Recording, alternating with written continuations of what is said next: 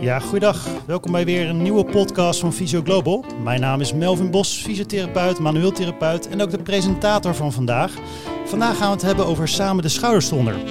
Dit doen we met uh, fysiotherapeut, sportfysiotherapeut, manueeltherapeut Beate Dejaco. Die is werkzaam bij het Sportmedisch Centrum Papendal en is daarnaast ook actief als docent van de Han. En daarnaast is ook Mark Wagner aanwezig. Hij is actief als orthopedisch chirurg bij Rijnstaten ziekenhuis. Welkom allebei de in deze podcast. Uh, allereerst is denk ik goed voor de luisteraars om eventjes te kijken van uh, ja, wie, wie zijn jullie en uh, wat doen jullie zoal qua werkzaamheden. Beate, allereerst aan jou het woord. Ja, uh, Melvin, dankjewel voor de uitnodiging. Ik ben Beate, ben uh, inderdaad fysiotherapeut, um, eigenlijk musculoskeletale fysiotherapeut. Dat vat het denk ik prima samen. Ben werkzaam hier op Sportmedisch Centrum Papendal. Um, met een aantal uh, bonden, verbonden, ook een aantal sportbonden, de KNWU, wegwielrennen en badminton. Daarnaast ben ik docent op de Hogeschool um, Arnhem-Nijmegen binnen de Master Musculoskeletale Revalidatie. En ja, daarnaast uh, verveel ik me verder ook niet. Ik doe ook iets uh, met wetenschappelijk onderzoek. Ik ben begonnen met een promotietraject en uh, dat vult zeg maar mijn week. Ja. Oké, okay. Mark? Ja, um, mijn naam is Mark Wagner. Ik ben orthopedisch chirurg in Rijnstaten, zoals je reeds zei. Ik hou me met name bezig met uh, artroscopische chirurgie. Dus ik um, doe veel kijkoperaties van elleboog, schouder, heup en knie. Um, daarnaast ben ik traumatoloog en um, plaats ook nog knie- en schouderprotheses, nog een vrij breed palet.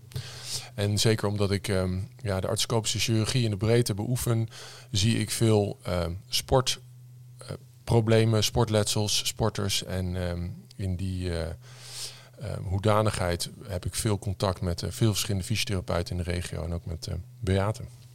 Nou, mooi om te horen. jullie werken natuurlijk ook onderling samen. Denk dat het goed is uh, voor deze aflevering om daarmee te starten. Van hoe de, hoe de verhoudingen liggen in de, in de samenwerking. Ja, um, binnen Rijnstaten en met name Rijnstaten Clinics, waar um, de orthopedie nu uh, binnen Rijnstaten onder valt, hebben wij een intensieve samenwerking met het Sportmedisch Centrum Papendal. Um, voor zowel de breedsporters als de topsporters. Um, we hebben binnen Rijnstaten Clinics het uh, NOC-NSF behandelpredicaat. En um, Papeno is natuurlijk ook uh, uitgebreid um, bezig en uh, houdt zich bezig met de begeleiding van alle topsporters. Dus in die hoedanigheid werken we samen. En um, we hebben veel en intensief contact over alle breedsporters en uh, subtopsporters die hier in de regio uh, um, sporten met alle bijkomende problemen.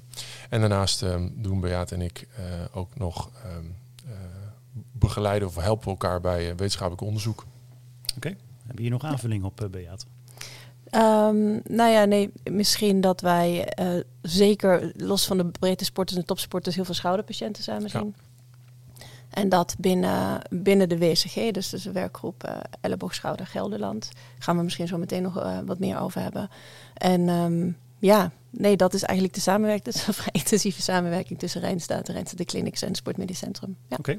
Okay. Uh, nou, je ziet natuurlijk uh, tal van initiatieven in, in het land uh, de laatste jaren, met name ook op het gebied van schouderklachten en ook de, de netwerken daarin. Hè, onder andere ook de schoudernetwerken, hè, het SSN wat bekend is. En daarnaast zijn natuurlijk vele andere initiatieven in, in de regio's. hoe is dat in, bij jullie in deze regio geregeld? Uh, ja, binnen de regio Gelderland uh, uh, hebben wij sinds een jaar of zes, zeven de WSG, Werkgroep Schouder Elleboog Gelderland, waarin wij vanuit Rijnstaten en omliggende fysiotherapeutische praktijk een samenwerkingsverband hebben waarin we proberen de zorg voor de, met name de schouderpatiënt en ja, ook de elleboogpatiënt, alleen dat komt natuurlijk gewoon veel minder voor, zo goed mogelijk um, te organiseren, waarbij we samenwerking en met name kwaliteit van zorg in de regio um, proberen zo goed mogelijk te krijgen. Um, dat uh, doen we door um, uh, scholingsavonden te organiseren, bijeenkomsten te organiseren. Uh, daardoor elkaar beter te leren kennen en ja, lastigere casuïstiek te kunnen bespreken. daarmee ook een uniformer beleid te hebben in de regio over hoe die schouderpathologie dan aangepakt wordt. Um, dat is um, ja, ook deels een service naar huisartsen um, uh, en andere uh, specialismen dat zij weten. ja, uh, wie nou degene zijn in de regio met de meeste ervaring hierin. En ik denk dat dat ehm, ja, duidelijkheid geeft voor, voor zorgverleners en patiënten. Beate? Ja, nou, ik ervaar ook heel duidelijk veel meer um, ja, onderling verband onder de fysiotherapeuten. We vinden elkaar veel sneller eh, door, dit, uh, door deze werkgroep. We hebben ook veel makkelijker contact met de orthopeden. En ik merk dat patiënten dat enorm waarderen. als iemand uit, uh, weet ik veel, Zevenaar een keer toevallig hier komt, dan bespreken we dat ook. We hebben ook collega's in, in Zevenaar of in Arnhem-Zuid. Of dichter bij jou in de buurt, waar zou je graag willen behandeld worden. En dat je dat ook heel makkelijk omdat je elkaar goed kent, uh, naar elkaar verwijst. Maar ook heel makkelijk weer de orthopeed vindt als je vragen hebt. Ik, mijn ervaring is dat patiënten dat enorm waarderen. Dat je zomaar mail kan sturen naar de orthopeed die daar heel snel op reageert. En dan uh, het beleid verandert of niet. Dat geeft enorm veel geruststelling. Ja. Ja, de laatste jaren zie je natuurlijk dit soort dingen veel vaker, wat ik al net eerder aanhaalde. Um, heb je daar ook uh, ervaring in, uh, Mark, onder andere, hè, wat betreft het, samenwerken in zo'n regio, wat, wat bijvoorbeeld juist niet werkt? Uh, wat, wat zijn de valkuilen voor het neerzetten van zoiets? Ja, nou, de valkuilen die wij, waar wij tegenaan zijn gelopen, een, nou, een jaar of uh, 7, 8, 9 geleden, is dat we een schoudernetwerk hier in de regio hadden, waarbij uh, waarvoor iedereen zich kon aanmelden. Elke fysiotherapeut die wilde kon zichzelf lid maken van dat schoudernetwerk. En um, daarbij merkten we dat het wel eens voorkwam dat de ervaring op het uh, gebied van de behandeling van schouderpathologie bij niet alle fysio's even hoog was. En dan uh, kwamen er patiënten bij ons die kregen dan vanuit onze verwijzing naar de fysiotherapeut met de lijst van, god, dit zijn de aan, aangesloten praktijken. En dan ging de patiënt naar een van die praktijken en werd daar behandeld door een fysiotherapeut die nou, wat minder ervaring, kennis, uh, affiniteit had met het behandelen van schouderpathologie. En dan um, ja, werd dat niet optimaal gedaan. En dan kwamen patiënten bij ons terug na een bepaalde tijd en zeggen van, goh, wat heb je nou gedaan met de fysiotherapeut? Nou, uh, dit en dit en dit. En ja, dan proefde je uit of hoorde je uit het verhaal van de patiënt dat die behandeling niet optimaal was geweest. Um, en dan zei je dat tegen de patiënt. Zei, zei de patiënt, ja, maar dokter, u heeft mij wel naar die fysiotherapeut verwezen. Want dat ja. staat immers in uw lijst. Dus je ziet dat dat ook effect heeft op de, uh, ja, de, de, de specialist-therapeutenrelatie. Of, zeker. of uh, specialist-patiëntenrelatie. Zeker, zeker, zeker. Want als, als die, die verwijzing vanuit ons gaat en op onze website stond uh, een lijst met, um, met aangesloten praktijken. Ja, dan... dan ja, moet de patiënt er wel vanuit kunnen gaan dat die fysiotherapeut uh, kennis heeft van ho hoe die dat moet aanpakken. Nou, dat bleek dus helaas niet altijd zo te zijn. En, en, en gelukkig was zeker niet het gros daarvan slecht, maar het kwam wel eens voor. En toen hebben we besloten dat er toch wel um, kwaliteitseisen gesteld mochten gaan worden aan een lidmaatschap van het Schoudernetwerk, zoals het toen nog heette. Um, dus hebben we eigenlijk de hele lijst gedelete, om het maar even simpel te zeggen. En zijn we met een aantal fysiotherapeuten waarvan we wisten dat zij, waarvan wij vonden dat ze de kwaliteit zeker leverden, zijn we om de tafel gaan zitten om te starten met een lijst op te stellen van uh, kwaliteitseisen. Hè. Waar moet een, um, een therapeut, maar ook met name um, de praktijk aan voldoen om uh, deel te mogen maken van het schoudernetwerk? Nou, zo, zo, is er een lijst van kwaliteitseisen ontstaan. Uh, er moeten minimaal twee therapeuten zijn. Er moet een minimale ervaring zijn. Een minimaal aantal patiënten. En met name ook er moet een minimaal aantal uh, nascholingspunten gehaald Precies. worden. Um, en um, ja, op basis van die criteria kon iedereen zich weer aanmelden. Daar zijn we gestart met, nou, ik weet niet precies, een x aantal um, praktijken. om op die manier de kwaliteit te verbeteren. en uh, daar is het contact um, intensiever van geworden. We hebben drie keer per jaar een nascholingsavond, waar uh, elke uh, lid um, minimaal twee keer bij aanwezig moet zijn. Dat geeft verhoging van kennis, maar met name ook een betere relatie tussen de, uh, en, uh, uh, tussen de lijnen en tussen de praktijken zelf, waardoor het contact, en waar Beate eerder al over vertelde, gewoon fors beter is geworden. Okay. Um, en wat heel belangrijk is, is dat we um, het netwerk omgezet hebben in een werkgroep. En dat is misschien alleen maar een naam, maar het, um, uh, de naam werkgroep suggereert wel dat er actieve inbreng van alle leden um, ja, uh, gevraagd wordt. Ja. En, en, en op dat die is manier, echt veranderd. Ja. Ja. Ja. Uh, Beate, ja, je bent natuurlijk zelf praktiserend fysiotherapeut. Ja. Um, herken je ook dit soort signalen wat Mark net aangaf? Vanuit, vanuit patiënten of...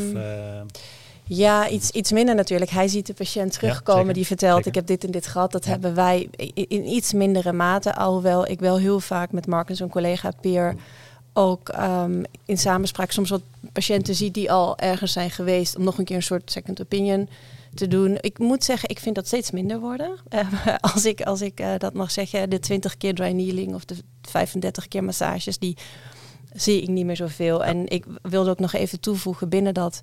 Uh, binnen onze werkgroep hebben we niet alleen maar bijscholingsavonden, maar we ook echt cursussen georganiseerd. Dus we hebben Jeremy Lewis uitgenodigd, die in de fysiotherapiewereld best bekend is. Ja. Joe Gibson staat op ons lijstje. Andrew Jaggy is langs geweest. We hebben best wat internationale uh, sprekers uitgenodigd. En ik, je merkt gewoon per jaar dat dat enorm veel oplevert. Dit handelen ook uniformer wordt. En ik zou moeten resulteren in minder vaak verwijzen naar de orthopeed.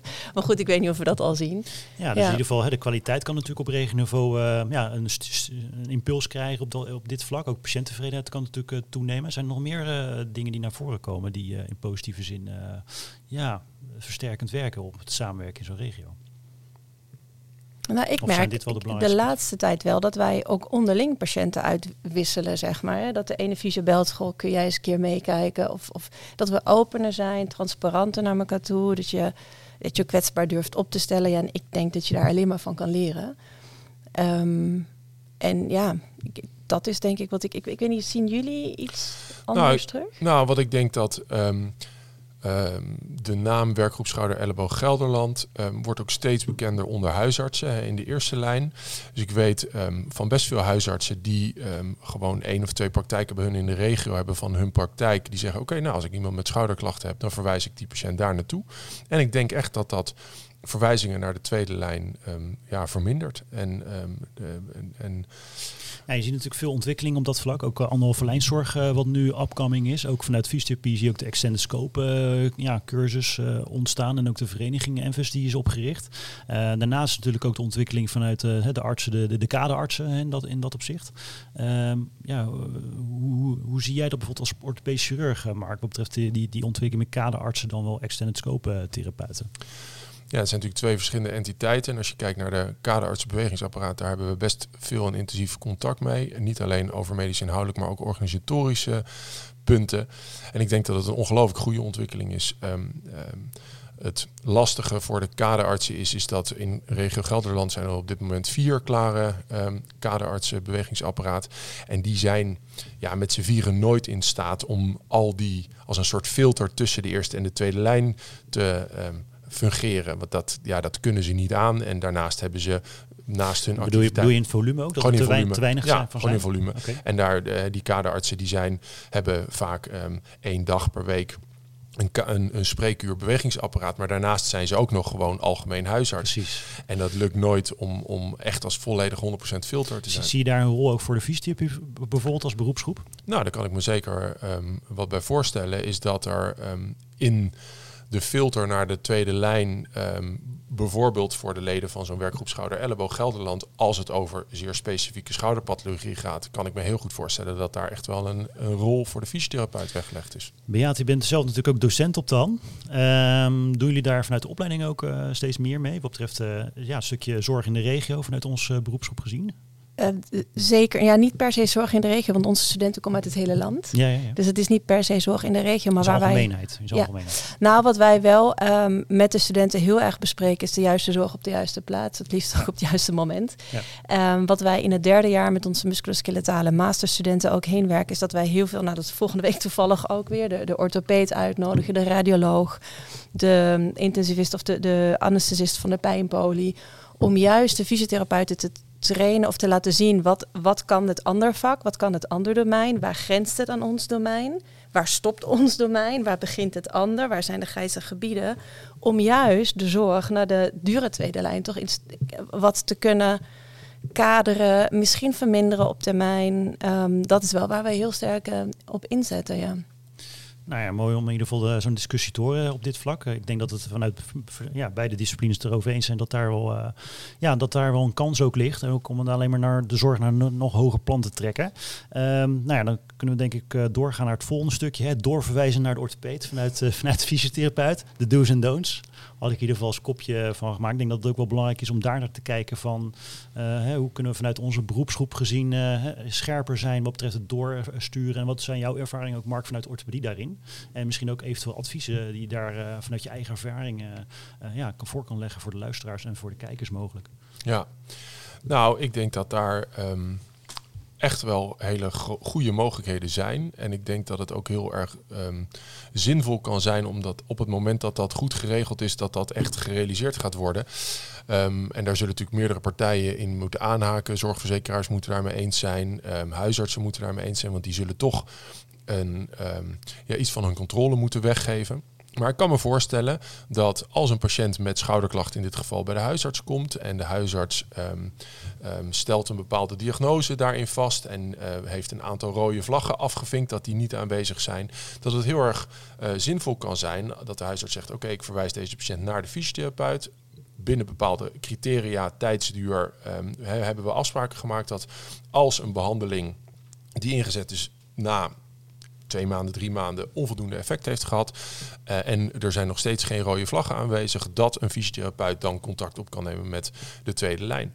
En um, dat geeft natuurlijk aan de ene kant een extra consult bij de huisarts. Um, haalt het weg. Dus het neemt de druk wat van de huisarts af.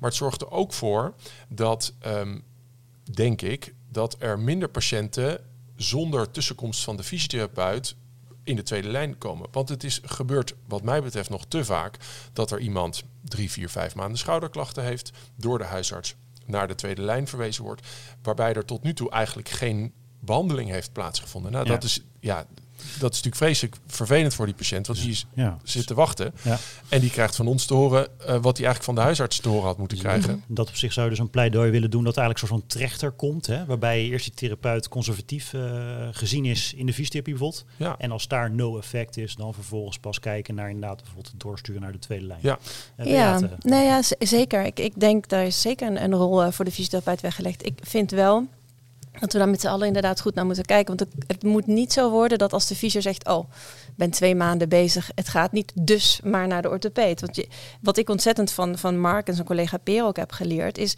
zij hebben ook maar bepaalde... Uh, range aan operatietechnieken die ze nog kunnen uitvoeren. Sterker nog, als je naar de literatuur kijkt, lijkt het steeds minder te worden. De neerplastiek is eigenlijk nog dan meer. De vraag is of je een bankart boven de 40 nog moet uitvoeren. Dus zij hebben ook maar een heel beperkt arsenaal aan middelen. En het is aan ons, denk ik, om onze zorg te verbeteren. Dat in allereerste instantie. Maar ook te begrijpen wat kan de orthopeed wel en niet. En wanneer moet ik nou wel doorsturen en niet. Ja. Niet alleen maar omdat het niet werkt na heeft twee het ook te maken met eh, de beeldvorming voor ons als fysiotherapeut wat betreft orthopedie? Ja, dat, dat weet, weet ik niet. Ik heb ook echt wel veel van de orthopeden geleerd waar ik mee samenwerk de afgelopen jaren. Van hoe zij eigenlijk kijken. Ik heb een dag meegelopen. Ik zeg, oh, wacht even, die maken in 10 minuten beslissingen waar ik een half uur over doe. maar het is ook logisch. En als je een keer meeloopt en als je een keer meemaakt, dan zie je, oh ja, maar zij redeneren ook heel anders. Veel sneller. Snijden, niet snijden bijvoorbeeld. Of wel beeldvorming, niet beeldvorming. Die, dat is heel wat anders dan welke oefening moet ik nu eigenlijk bedenken bij die functiestoornis en bij, bij die activiteiten, problematieken. dat, zeker daar, wij kijken er heel anders naar. En ik, ja. Uh, ja, als je maar eens begrijpt hoe een orthopeed ook keuzes moet maken en beslissingen moet maken, maakt het voor jezelf ook makkelijker om, om door te sturen, niet, denk ik. Zou het dan ook zinvol zijn dat misschien die fysiotherapeut die dan inderdaad hè, op, het, op het gebied van schouderrevalidatie uh, misschien ook een keer mee zou moeten lopen met zijn orthopeed? Met, met wie zij of hij uh, samenwerken werkt? Ik raad elke fysio aan om met de specialist een keer mee te lopen waar je veel mee te doen hebt. Ik heb ook een dag op de radiologie meegelopen. Dat was fantastisch leerzaam. Ja, ja. supermooi. Ja. Um, nou ja, het stukje evaluatie is natuurlijk ook cruciaal belangrijk. Ook vanuit de fysiotherapie. Hè. De patiënt komt binnen uh, met schouderklachten ben in de eerste lijn. Um, is daar ook uh, winst te halen volgens uh, jullie, Beat en Mark, wat betreft het evalueren? Hè, stel die patiënt komt binnen um, en dan? Wanneer zou diegene hè, een revalidatie inzetten en wanneer zou diegene nou, uh, zou, zou een tussenevaluatie moeten inzetten en hoe doe je dat dan? Wat zijn daarin uh, belangrijke punten om rekening mee te houden als klinicus? Nou ja, de vraag, ook ten aanzien van beeldvorming bedoel je? Ja, want dat was natuurlijk net een stukje ook in hè, wat Beate aangaf. Nou ja, vorig in het verleden hè, de 40 keer massage of de 20 keer dry, dry needling. Ja, dan kan je natuurlijk uh, afvragen als therapeut of als zorgprofessional van ja, is er wel geëvalueerd uh, her en der tussendoor uh, bij, bij zo'n verhaal? Zo bedoel je. Ja, ja, ja. ja. Nou ja, kijk, we weten natuurlijk dat um, um, een groot deel van de schouderklachten is op basis van ehm, ehm, dagelijkse belasting, sportieve activiteit en leeftijd ehm, in groepen onder te verdelen. De, eh, en weten we vaak van tevoren wel wat we gaan zien en wat we kunnen verwachten van bepaalde beeldvorming bijvoorbeeld. En dat maakt in zeker schouderklachten die nog niet lang bestaan, wat mij betreft beeldvorming vaak niet nodig. En ehm, moeten we ook vooral niet willen dat iedereen, ehm, voordat hij een behandeling ingaat, meteen een röntgenfoto, echo en al dat soort dingen gaat krijgen. Ja, want je ziet natuurlijk ook veel in de literatuur voorbij komen. Hè? De, de, de, de vraag is wat de meerwaarde is. Ook de effecten ervan natuurlijk als je het beeldvorming zou inzetten. En het hoe was het e- eventueel niet nodig geweest bij die patiënt. Zeker, zeker, Eh, zeker. Ook, ook in het kader van ildersblief of ziekteperceptie van die patiënt natuurlijk. Ja, zeker. Eh, en ook omgang met kosten in Ja, de zorg. ja, is dat zeker. echt wel eh, eh, heel erg belangrijk, denk ik, om te beseffen.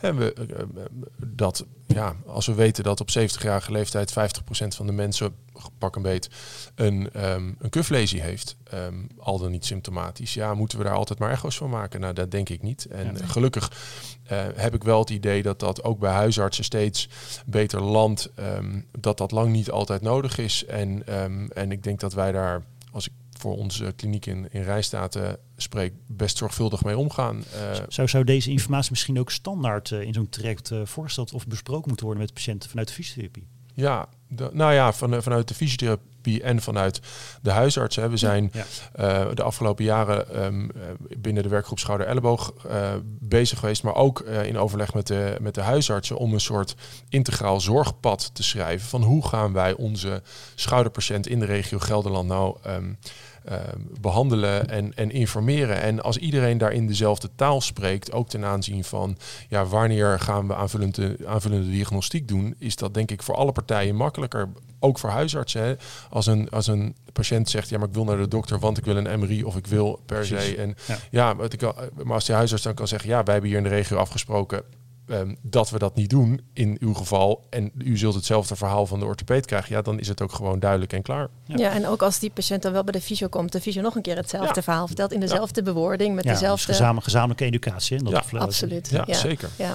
Oké, ehm, nou ja, het stukje ook de binnenkomst van de patiënt eh, is natuurlijk ook een belangrijk moment eh, voor, voor het opstarten van de therapie in de eerste lijn. En dan heb je het ook eh, in het kader van verwachtingenmanagement van de patiënt, natuurlijk ook een heel belangrijk item eh, tegenwoordig en sowieso in, in zijn algemeenheid. Eh, zijn daar nog adviezen, Beate, wat je in ieder geval voor zou le- willen leggen aan de luisteraars of kijkers? Nou ja, wat ik een, een ehm, baanbrekend onderzoek daarin vond, is het onderzoek van Rachel Chester een aantal jaar geleden, die ehm, gekeken heeft naar prognostische factoren. En een van de meest belangrijke, ik denk zelfs op, op één kwam te staan, ehm, pro- een, prognostische factor voor het wel eh, verbeteren of het, of het overgaan van de schouderklachten, was of de patiënt erin geloofde Ja. dat het volledig over zou gaan. Nou, als dat al op één staat, dan kun je nog zo'n fancy praktijk hebben, nog zoveel diploma's aan de muur, maar als je dan verzuimt daaraan aan te haken, of als hè, ik, ik vraag altijd, wat is je verwachting naar mij? Ik heb wel eens patiënten die zeggen, nou eigenlijk geen, ik moet hier komen van de dokter. Nou, dan sta je al 5-0 achter. ja. Maar dan moet je wel realiseren dat je daar dus in moet investeren. Met uitleg, adviezen. En als, Gaat het daar soms ook verkeerd als, Ja, als het niet wel. besproken is en inderdaad op een gegeven moment voor je het weet twee maanden verder bijvoorbeeld met de therapie, eh, met geen verschil? Nou, ik denk als ik terugkijk in mijn carrière als fysio, eh, de eerste vijf jaar zou ik graag over willen doen. Misschien Ja. wel de eerste tien jaar. Ja, Ik denk dat ik daar zeker eh, zelf best wat steken heb laten vallen. Maar ik wist dit niet. Ik was toen ook nooit zo opgeleid. Ik denk dat dit kennis is dat de die de laatste jaren juist enorm een vlucht heeft genomen. En nou ja, voor En ook- mij ja. was dit onderzoek wel een hele belangrijke. Ja, ik heb ook in het verleden Andrea Evers eh, mogen interviewen, hoogleraar eh, ge- gezondheidspsychologie. Daar ging het over placebo-nocebo-effect. Inderdaad ook de verwachtingen van de patiënt. Cruciaal ook voor dat soort effecten. Eh, de therapie bestaat, bestaat altijd een deel uit placebo, gaf ze aan. Dus Geloof ik 100 Ja, ja. oké, Mark, heb je hier nog aanvulling op? Nou ja, in, in helemaal dezelfde lijn moeten wij, zijn wij ook bezig met verwachtingsmanagement voor operatief ingrijpen. En, en dat is natuurlijk helemaal waar het over gaat bij vooral pijnklachten. Ehm, en ehm, en je kan je natuurlijk voorstellen dat een instabiele schouder wel stabiel gemaakt kan worden ehm, met een, eh, een operatie. Ehm, maar dat betekent lang niet altijd dat het een pijnvrije schouder wordt. Ja. En ja, dat is wel verwachtingsmanagement. Ja, we hadden ook een, eh, vooraf een stelling online gezet. Fysiotherapeuten zijn in staat om een eh, goede indicatie te stellen voor het doorsturen van de patiënt met schouderklachten naar de orthopeed. En toen had ik ook Beate in ieder geval vooraf ja, de, de reacties doorgestuurd. 47 votes voor eens en 9 voor oneens. Oftewel, merendeel van de therapeuten vindt inderdaad dat de uh, fysiotherapeut daar goed in staat tot is. Uh, wat vind je van, uh, van deze stelling, Mark, en ook de reacties daarop? Nou, um, ja, ik denk dat um, mits criteria duidelijk gesteld zijn, um, ben ik het ermee eens uh, dat een fysiotherapeut daartoe in staat moet zijn. ja, zeker omdat een fysiotherapeut een patiënt natuurlijk gewoon vaak uh, langer ziet. En ook een betere inschatting kan maken, denk ik, van hoe de patiënt over zijn eigen klachten nadenkt. Kijk, als een patiënt, wat Beate net zei, zegt, nou ja, kom hier omdat uh, mijn huisarts me doorverwezen heeft, maar eigenlijk zie ik het helemaal niet zitten. Ja, dat zijn natuurlijk allemaal afwegingen die een therapeut zal moeten meenemen in, ga ik deze patiënt dan doorverwijzen? Want ja. ik, ik denk dan, als stel je zou hem opereren en hij moet daarna alsnog oefenen, dat wordt een drama. Hoe dan? Ja, nee, Wat wordt je uitkomst dan? Ja. Dus daar kunnen we volgens mij ook een hele grote stap maken en ook veel winst halen in dat opzicht. Ja. Uh, er was natuurlijk ook een artikel vooraf die jij stuurde over van O'Sullivan net al, uh, Beate. Uh, alle artikelen die we bespreken in deze podcast zullen ook in de podcastomschrijving terechtkomen. Dus dat kunnen jullie als luisteraar terugvinden. dat ging over ook de atraumatische musculoskeletale klachten. Mm -hmm. dus inderdaad dat er geen trauma plaats heeft gevonden en de aanhouding daarvan. Dat een pathoanatomische diagnose en ook de klinische kenmerken die daarbij uh, uh, ja, eventueel gecorreleerd zijn, dat dat in die atraumatische, atraumatische groep niet aan de orde is. Nou, wat ik denk, dat is die reframing musculoskeletal ja, been, denk ja. ik. Hè? Nou ja, wat ik denk, wat een oproep is van, van Sullivan, en uh, ik, ik dacht dat uh, Louis daar een co-auteur ja, is, en die, die, twee, hè? Ja ik denk dat er een oproep is, en ik kan dat wel heel erg delen, is dat wij moeten stoppen om te denken dat er een quick fix is voor de ja. chronische musculoskeletale klachten. En, en ik kijk maar naar mezelf, ik heb daar ook heel lang aan meegedaan en misschien soms nog.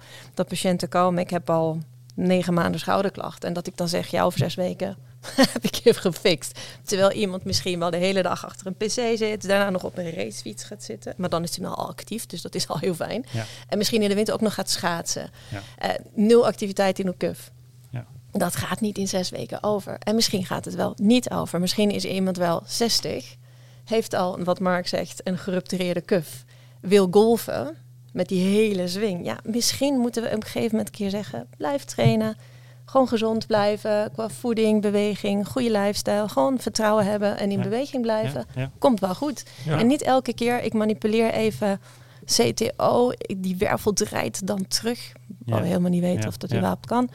En dan is uw klacht, over daar geloof ik niet meer in. En ik denk dat dat artikel dat vooral uh, probeert te postuleren. Okay. Af van de quick fix. Ja, supermooi uh, onderzoek. Dus ik zou zeggen aan de luisteraars, uh, bestudeer die. Zeker. Um, dan is er ook nog een hele belangrijke laatste tijd, de laatste jaren, ja, de, de, de inzet van de echo. je ziet steeds meer fysiotherapiepraktijken die ook daar gebruik van maken. Um, ja, dan ben ik heel erg benieuwd ook uh, zelf ook als uh, praktiserend therapeut, Mark. Ja, wat vind je van deze ontwikkeling in de fysiotherapie? Hè, de, de inzet uh, van de echo. Nou, als je naar de inzet van de echo in het algemeen kijkt, denk ik dat de echo heel erg zinvol kan zijn. Ja. Um, gelukkig um, komt er ook voor mijn gevoel bij patiënten um, uh, meer een duidelijkheid in dat de echo zeker net zo of misschien beter kan zijn dan de MRI. Hè, want er werd vroeger natuurlijk, of er wordt nog steeds soms door patiënten heel erg de MRI als een soort heilige graal um, gezien. Maar die echo is natuurlijk een dynamisch onderzoek. En ja, ja. Um, je kan je armen in verschillende standen houden. Je kan mensen laten aanspannen. En, en ja, ik denk dat dat um, uh, in sommige gevallen zeer zinvol kan zijn. Maar, maar de echo heeft zijn beperkingen. En de echo hangt de kwaliteit van de echo hangt erg af de, van degene die het doet. En zegt wat mij betreft nog steeds niks over de aard van de klachten van patiënten. Dus het moet echt op met een hele specifieke vraag moet er een echo ja, gemaakt worden. Ja. En misschien ook meer als add-on dan? Dus, Zeker. Dus, dus je, je aanmees is dan uh, het grootste deel. Met bevestiging dan wel uitsluiting ja, van. en ik maak nooit een echo met de vraagstelling of er een bursitis is. Nee. Um, ja, uh, want iemand heeft subacromiale pijn. En stel je voor dat die echo nou laat zien dat die beurza op dat moment, wat natuurlijk altijd een momentopname is, ja, niet geïrriteerd is. Ja, heeft die patiënt dan geen subacromiale pijn? Nou, dat denk ik niet. Dan moeten we nog steeds gewoon op ons lichamelijk onderzoek uh, afgaan. Dus ik laat echo's vooral maken met de vraagstelling van, is er een uh, kuflesie? Ehm, is de biceps space, ligt die mooi in, in het gootje met een hele specifieke vraag. En die vraag die heb ik alleen maar op basis van mijn anamnese en, en uitgevoerd lichamelijk onderzoek. En zal dus nooit een echo maken om uh, vervolg van behandeling of zo, of het resultaat van behandeling te evalueren. Is ook niet nodig. Nee. nee. Um, zijn er nog meer uh, valkuilen wat betreft die echo? Voor het inzetten daarvan? Nou, de kwaliteit van de echogravist. Um, ja. ja. het kan natuurlijk ook uh, meespelen in het, hè, ook in de communicatie in de taal, wat er wordt uitgelegd hè, ja. bij het zien van de, de, de beelden van de echo. Ja, ja, zeker. En welke effecten dat heeft op de patiënt uh, ja, ook ja, gedachtegang. Ja, zeker. En de interpretatie van een echoverslag um, en, en wat het voor uh, invloed heeft op de klachten van patiënten, wat het zegt over de klachten van patiënten, het is echt, dat moet erbij verteld worden. En dat vertelt de radioloog nooit in zijn verslag, nee. want ja, die heeft de patiënt niet onderzocht. Okay. Dus ik denk ook dat, uh, dat dat heel erg belangrijk is. En misschien is het wat Beate, waar wij het kort geleden nog over hadden, is dat uh, als de, de patiënt met een echoverslag bij jullie komt zonder dat er uitleg over ge gegeven wordt, dat dat voor jullie ook heel lastig kan dat zijn. is heel lastig. Tegenwoordig kan een patiënt gewoon op mijn Rijnstaat.nl of mijn weet ik veel wat voor ziekenhuis.nl zijn uitslagen zelf opvragen voordat die besproken zijn met de verwijzend arts.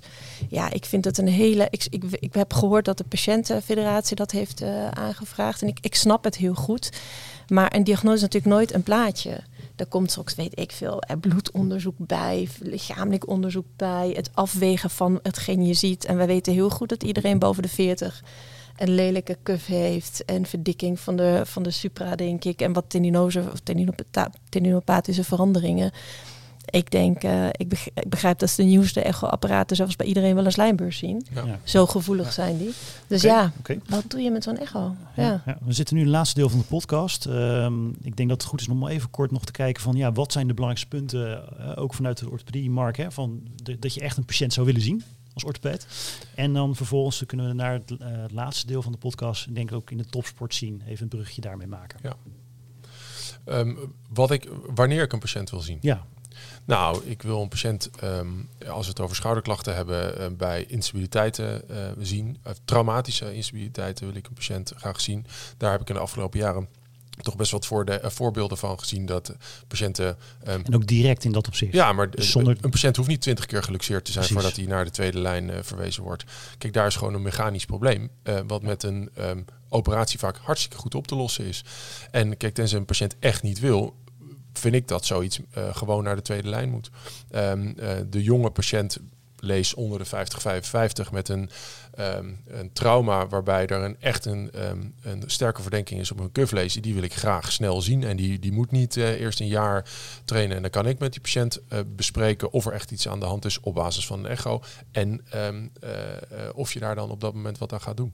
Oké, okay. Beate, heb je hier aanvulling op? Helemaal mee eens. ik denk, nou, nee, eindje wel, ik zou ik wel toe willen voegen. Ik ja. denk wel dat een um, beginnende frozen shoulder, ja. die heel erg pijnlijk is, ja. uh, weet niet of die direct nou bij Mark moet komen en of die niet via de huisarts nu eerder misschien bij de radioloog voor een uh, uh, intraarticulaire injectie. Dat, dat is nog wel de groep die ik graag terugstuur, omdat ik weet dat als die eenmaal minder pijn hebben, wat voor soort frozen shoulder daar dan ook onder zit, ja. dat je die veel makkelijker en beter kan helpen. Maar voor de rest Heel is mens. ook uh, rotatie inderdaad en de instabiliteit. Al hebben wij wel eens discussies gehad over instabiele schouders bij ja. topsporters. Okay. Maar uh, die discussies blijven uh, leuk ja. en interessant. En er is natuurlijk absoluut niet één waarheid daarin. Nee. nee. Ja, misschien volgende podcast. Ja.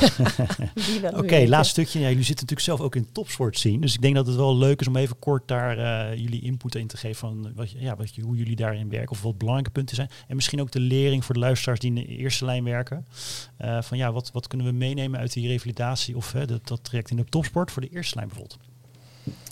Ja, wat, kijk, wij zitten hier op uh, Sportminister of op uh, Papendal. Um, ja in een centrum waar wij heel nauw samenwerken met bonden. Je moet je voorstellen, daar staat de sporthal. Hè? Dus ja. ik loop donderdagochtend daarheen, 9 uur.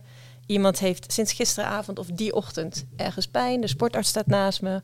We kijken ernaar. Um, beslissen wat het beleid is. En soms kan het zijn dat de sportarts direct een van de orthopeden in het ziekenhuis belt. Zegt, joh, dit moet even gezien worden. En als die mazzel heeft, staat hij die middag of de dag daarna daar. Zo, dus de lijntjes is, zijn heel snel, heel kort. Ja, waar je, waar, waarbij je natuurlijk wel moet uitkijken, vind ik nog steeds. Uh, het is een jonge topsporter, ze herstellen over het algemeen heel snel. Je moet soms ook de kans geven om iets te laten herstellen. Ja. En dat is denk ik waar het in topsport wel eens misgaat, dat we te veel, te snel willen doen. En, en ja, daar misschien Dus wel een eens af, in. goede afwegingen maken. Maar de Ja. lijntjes zijn daarin wel heel erg eh, strak en kort ook. Ja. Zeker. Ja. Zeker, zeker. En, en ook wel, waar je voor moet opletten, is dat er vanuit de sporter zelf ehm, soms best wel een verwachting is dat als er klachten zijn, dat er ook iets gedaan moet worden, omdat er anders ehm, ja, geen oplossing komt. Of, eh, en daar moet je soms een beetje voor opletten dat je dat daar. Nou, mag een sporter best soms een beetje in geremd worden en gecorrigeerd worden. Is dat er, ja, soms heb je gewoon klachten en dat gaat gelukkig ook voor een heel groot deel vaak wel weer over zonder Ja. dat er allemaal trucs en, ehm en Ja, het is, het is onwijs moeilijk. Want heb je nou Ja. iemand die eh, vorig jaar begin corona was, toen bekend werd dat de Olympische Spelen niet doorgingen. Ja, daar doe je alles op je easy, eh easy going, op je gemak. Denk je, nou neem de tijd voor herstel. Nu zitten we 100 dagen voor ehm eh, Tokio. Nu gaat het heel anders. Ja, nu staat zeker. iedereen wat gespannener. Gaat het allemaal wat sneller, allemaal wat rapper. Moet er sneller worden ingegrepen. Dus het hangt ook heel erg af van met wie je te maken zit. In welke periode, waarheen. Maar ook daar altijd wel uitkijken. Niet overdrijven. Nee, maar er moet wel, Ja. in, zeker hè, zo vlak voor zo'n Olympische Spelen, met z'n allen meegedacht worden om, om zo'n zo'n sporter weer zo snel mogelijk eh, in de benen te krijgen. Zeker. Mooi. Ja. Ehm, nou ja, we zitten nu, eh, we sluiten, eh, op dit moment gaan we ook de, de podcast afronden. Hebben jullie eh, laatste punten voor de luisteraars om in ieder geval mee te nemen over hetgeen wat we nu net allemaal besproken hebben? Een soort van key points. Beate. Key points. Dat is altijd een uitdaging. Ehm, ik denk dat je als fysio die, schouder, die veel schouders ziet, zou ik, zou ik willen aanraden. Ga kijken of je met een, een orthopeed in je, in je ziekenhuis bij jou in de buurt samen kan gaan werken. En eh, probeer in overleg met die orthopeed ook goed af te kaderen. Wie moet ik terugsturen of wie moet ik insturen? Wie wil je niet zien en wanneer vooral? En dat je van elkaar wel heel goed weet eh, wat je van elkaar kan verwachten. Ik denk dat dat de zorg samen en voor de patiënt uiteindelijk echt eh, optimaliseert. Oké, Mark?